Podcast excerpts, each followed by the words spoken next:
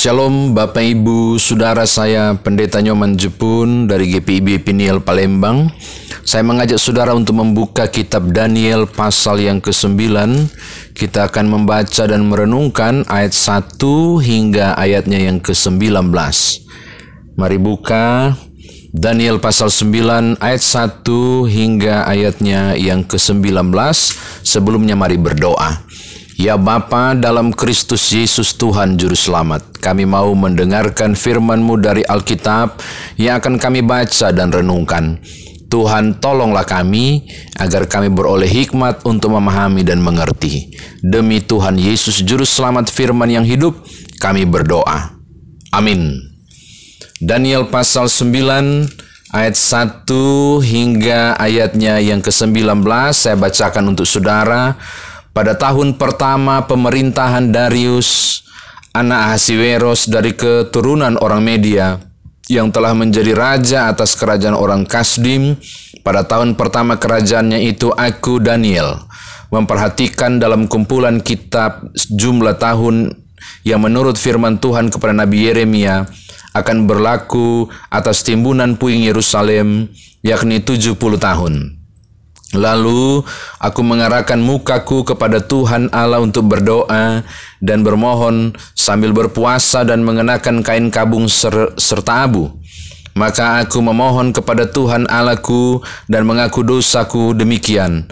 Ah Tuhan, Allah yang maha besar dan dahsyat, yang memegang perjanjian dan kasih setia terhadap mereka yang mengasihi Engkau, serta berpegang pada perintahmu. Kami telah berbuat dosa dan salah. Kami telah berlaku fasik dan telah memberontak. Kami telah menyimpang dari perintah dan peraturanmu. Dan kami tidak taat kepada hamba-hambamu, para nabi yang telah berbicara atas namamu, kepada raja-raja kami, kepada pemimpin-pemimpin kami, kepada bapak-bapak kami, dan kepada segenap rakyat negeri. Ya Tuhan, Engkaulah yang benar, tetapi patutlah kami malu. Seperti pada hari ini, kami orang-orang Yehuda, penduduk kota Yerusalem, dan segenap orang Israel, mereka yang dekat dan mereka yang jauh, di segala negeri ke mana engkau telah membuang mereka oleh karena mereka berlaku murtad terhadap engkau. Ya Tuhan kami, raja-raja kami, pemimpin-pemimpin kami, dan bapak-bapak kami, patutlah malu, sebab kami telah berbuat dosa terhadap engkau.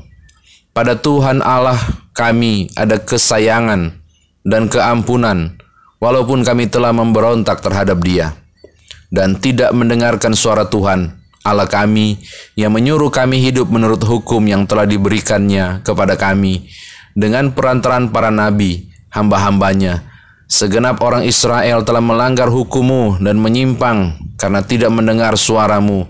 Sebab itu telah dicurahkan ke atas kami kutuk dan sumpah yang tertulis dalam kitab Taurat Musa, hamba Allah itu, sebab kami telah berbuat dosa terhadap dia.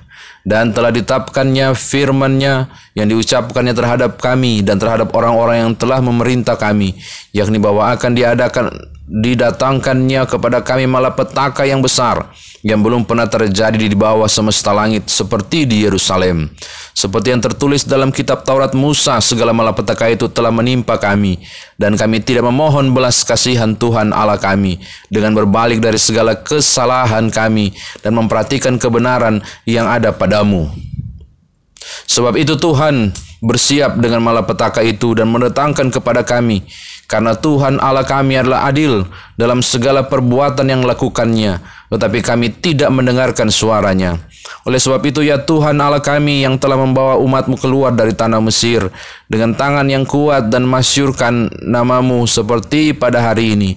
Kami telah berbuat dosa, kami telah berlaku fasik, Ya Tuhan, sesuai dengan belas kasihan-Mu, biarlah kiranya murka dan amarah-Mu berlalu dari Yerusalem, kotamu, gunungmu yang kudus. Sebab oleh karena dosa kami dan oleh karena kesalahan nenek moyang kami, maka Yerusalem dan umat-Mu telah menjadi celah bagi orang-orang, bagi orang yang di sekeliling kami.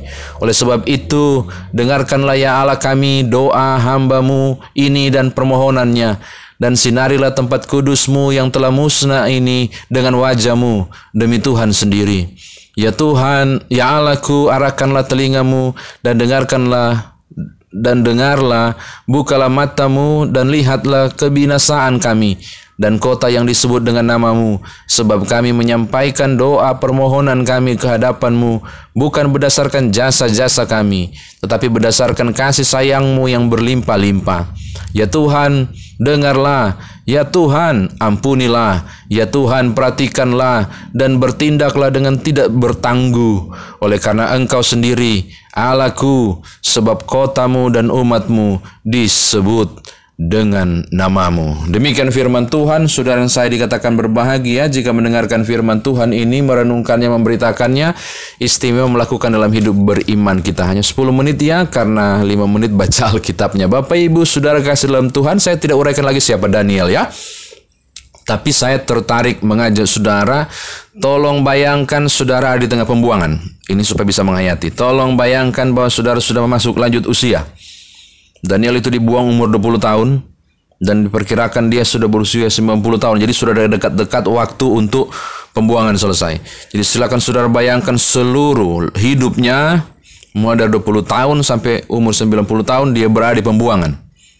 Lalu tiba-tiba entah kenapa dia buka kitab Yeremia. Kayaknya yang dia buka itu Yeremia pasal 25 ayat 11 atau barangkali Yeremia pasal 29 ayat 10.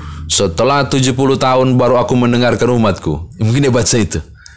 Setelah dia baca, wow, jangan-jangan sudah dekat waktunya. Ini sudah waktunya pembebasan. Saudara tahu, ini yang dilakukan oleh Daniel. Dia berdoa. Seorang tua renta ini berdoa. Dia berdoa memohon kasih karunia Tuhan. Nah, saya ajak saudara untuk masuk teks ini, perhatikan baik-baik. Catatan pertama, Alkitab berkata sesuatu yang sangat penting di pasal 9 ini. Lalu ayat, ayat 3, Aku mengarahkan mukaku kepada Tuhan Allah untuk berdoa dan bermohon sambil berpuasa dan mengenakan kain kabung serta abu, maka aku mengaku dosaku. Perhatikan baik-baik. Jadi saudara dia datang dengan puasa, dia pakai pakaian berkabung, dia mandi abu, itu bicara soal berduka. Apa artinya ketika berdoa dalam kondisi duka ini bicara soal hopeless. Ini bicara soal debut tanah dia setara. Ini bicara Tuhan aku rendah sekali dan aku mau berdoa kepadamu. Makanya doa puasa itu sangat sangat luar biasa sebenarnya saudara. Jadi dia lakukan itu dalam kerendahan, dia berpuasa, dia berduka, dia berkabung dan dia jumpai Allah. Dan dia bilang kalimat yang menarik adalah, lalu aku mengaku dosaku demikian. Perhatikan Bapak Ibu yang dia akui dosanya. Tapi kalau saudara baca, kalau saudara baca isi pengakuan dari ayat 1 sampai 19, saudara akan terkejut. Sebenarnya yang dimaksud dengan dosaku itu adalah dosa umat. Yang dimaksud dengan dosaku itu adalah dosa para pemimpin. Yang dimaksud dengan mengaku dosaku ini adalah dosa seluruh Israel.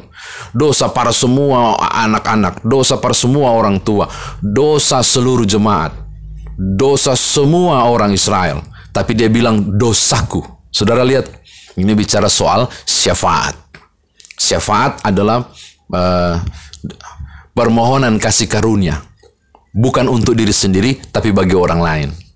Makanya orang bersyafaat adalah orang yang tidak berdoa untuk dirinya sendiri tapi dia berdoa untuk orang lain. Orang lain dia berdoa atas nama orang lain dia berdoa. Jadi dia mengaku dosa bukan dosanya, tapi dosa orang lain. Kan kita tahu bahwa Daniel benar di hadapan Tuhan. Nah, ini catatan saya yang pertama. Hal yang kedua Bapak Ibu, silakan saudara lihat bagaimana cara ia mendekati Tuhan. Dia tidak bilang, oh Tuhan bukankah aku ini Daniel? Yang besar yang sudah Tuhan pakai untuk jadi kesaksian iman bagi Babilonia, bagi Persia. Oh, tidak, saudara. Kalau saudara baca, dia dekati dengan sangat penuh kerendahan. Ayat 4. Ah Tuhan Allah yang maha besar dan dahsyat yang memegang perjanjian dalam kasih karunia. Kalau saudara buka terus, saudara akan menemukan betapa Daniel mendekati Allah sambil pengagungan. Sense of wonder. Dia rasa kagum kepada Tuhan. Dia muliakan Tuhan. Dia agungkan, dia tinggikan dengan sebutan-sebutan kalimat yang besar, maha agung, engkau maha penyayang, maha pengasih. Saya mau katakan catatan yang kedua. Dekati Allah dengan penuh kerendahan. Dan agungkan dia. Berapa banyak dari saudara yang berdoa langsung to the point. Tuhan saya meminta A, B, dan C. Saudara lupa bahwa sebelum engkau berdoa, agungkan Tuhan. Sebelum engkau meminta, maksud saya, agungkan Tuhan. Daniel melakukan konsep penting ini. Ya Allah pengasih, penyayang, panjang, sabar. Pada siapakah saudara berdoa, pendekatan pendekatan apa yang saudara pakai itu sangat menentukan. Dan Daniel melakukan pendekatan ini, pengagungan kepada Allah. Aku bukan siapa-siapa, aku tidak berarti aku mengagungkan engkau. Itu kalau saudara temukan, oh luar biasa. Dia munculkan itu. Tetapi saya tertarik pada bagian yang ketujuh sampai ayat ketujuh sampai ayatnya yang keempat belas. Kalau Bapak Ibu baca berulang-ulang, itu kan dia sedang mendefinisikan dosa. Bukan saja mendefinisikan dosa yang diperbuat, tapi juga dia menjelaskan dengan pengertian dosa apa itu. Lalu dia jelaskan, harusnya kami malu karena kami melanggar ini, kami melanggar itu, kami buat ini, kami buat itu. Apa maksudnya Bapak Ibu Saudara? Yang saya mau katakan di catatan ketiga ini sangat penting. Berapa sering saudara mengaku dosa yang hanya bilang, Tuhan aku berdosa kepadamu. Ini kedengarannya, wah, kedengarannya tulus banget. Tapi bagi saya, maaf saya menggunakan istilah ini, kayaknya tidak jujur. Telanjangi dosa itu. Katakan kepada Tuhan, aku bikin ini, aku bikin ini, aku bikin ini. Dan Daniel melakukannya loh. Dia membeberkan dengan pengertian. Yang saya mau katakan begini, ketika ketika kita mengerti tentang dosa, maka kita harus beberkan dengan pengertian itu. Apa dosa itu? Apa yang sudah kuperbuat? Kita harus uraikan. Itu disebut dengan pengakuan. Aku melakukan ini Tuhan. Lo Tuhan tahu, tapi yang Tuhan butuh adalah pengakuan. Ini kan menarik tuh. Jadi saya mau katakan catatan ketiga, ketika masuk berdoa, doalah secara spesifik. Jika ini berhubungan dengan pengakuan dosa, spesifikasi dosa itu harus disebutkan. Dosa itu mesti ditelanjangi di hadapan Tuhan. Tuhan tahu, Tuhan tahu, tapi pengakuan harus dibuat. Dan Daniel masuk pada titik itu. Oke, okay? oh, luar biasa loh. Saya tertarik ketika dia catatan ketiga ini, ketika dia beberkan tentang, tentang dosa, dia bilang begini ayat yang kelima, aduh sedih banget. Pada Tuhan Allah kami ada kesayangan, ada keampunan. Walaupun kami telah memberontak terhadap dia. Ai, saya yakin meleleh hati Tuhan. Oh Bapak Ibu, dia dekati Allah dengan hatinya. Dia dekati Allah setara tanah kerendahannya. Dia mengemis keampunan dia bilang kepadamu kan bukan kepadamu ada kesayangan, ada keampunan. Aku malu, kami malu. Itu muncul di ayat yang ketujuh. Menyusul pada ayat yang ke sembilan yang saya bilang tadi. Wow, Bapak Ibu, saya mau katakan catatan yang ketiga ini bahwa sangat penting spesifikasi doa, kalau itu pengakuan dosa, spesifikasi dosanya harus disebutkan untuk minta ampun, lalu dekati Allah sebagai pribadi yang maha pengasih dan penyayang. Ngemis kasih sayangnya, mengemis keampunannya, mengemis ah, the mercy of God. Apa ya? Aduh, dekatilah Allah dengan penuh kerendahan. Jadi kalau so bersalah, jangan kepala besar. Kalau so bersalah, jangan yang tampil-tampil itu dada besar untuk mengatakan saya hebat. Kagak, datang dengan kerendahan. Oke? Okay? Terakhir, saudara. Terakhir. Lalu dia masuk di ayatnya yang ke-15, 16 sampai 19. Itu sebenarnya inti inti inti inti inti permohonannya. Ampunilah kami. Iya iya iya.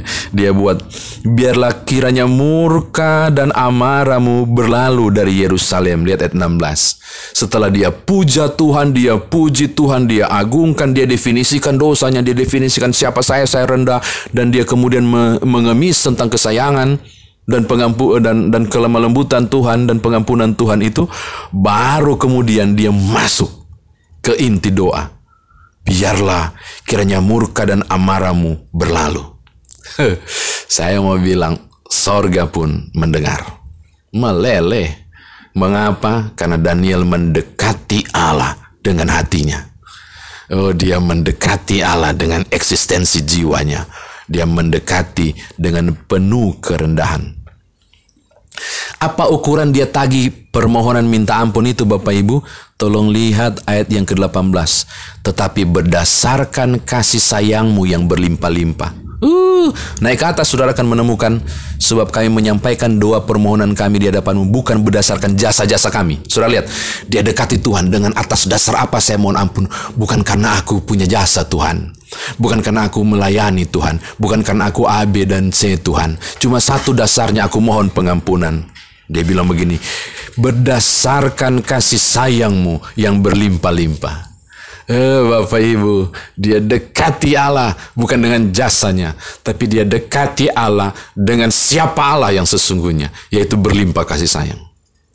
Pulihkanlah negeri ini, dia bilang begitu. Dan kita tahu kan setelah itu kemudian setelah 70 tahun di, di, di, di tahun yang sama barangkali kita nggak tahu pemisahannya, kemudian Israel dibebaskan. Saya kira demikian Bapak Ibu firman Tuhan ditafsirkan. Sayang sekali uh, saya tidak bisa menguraikan lebih dalam karena kita punya limit waktu 15 sampai 17 menit.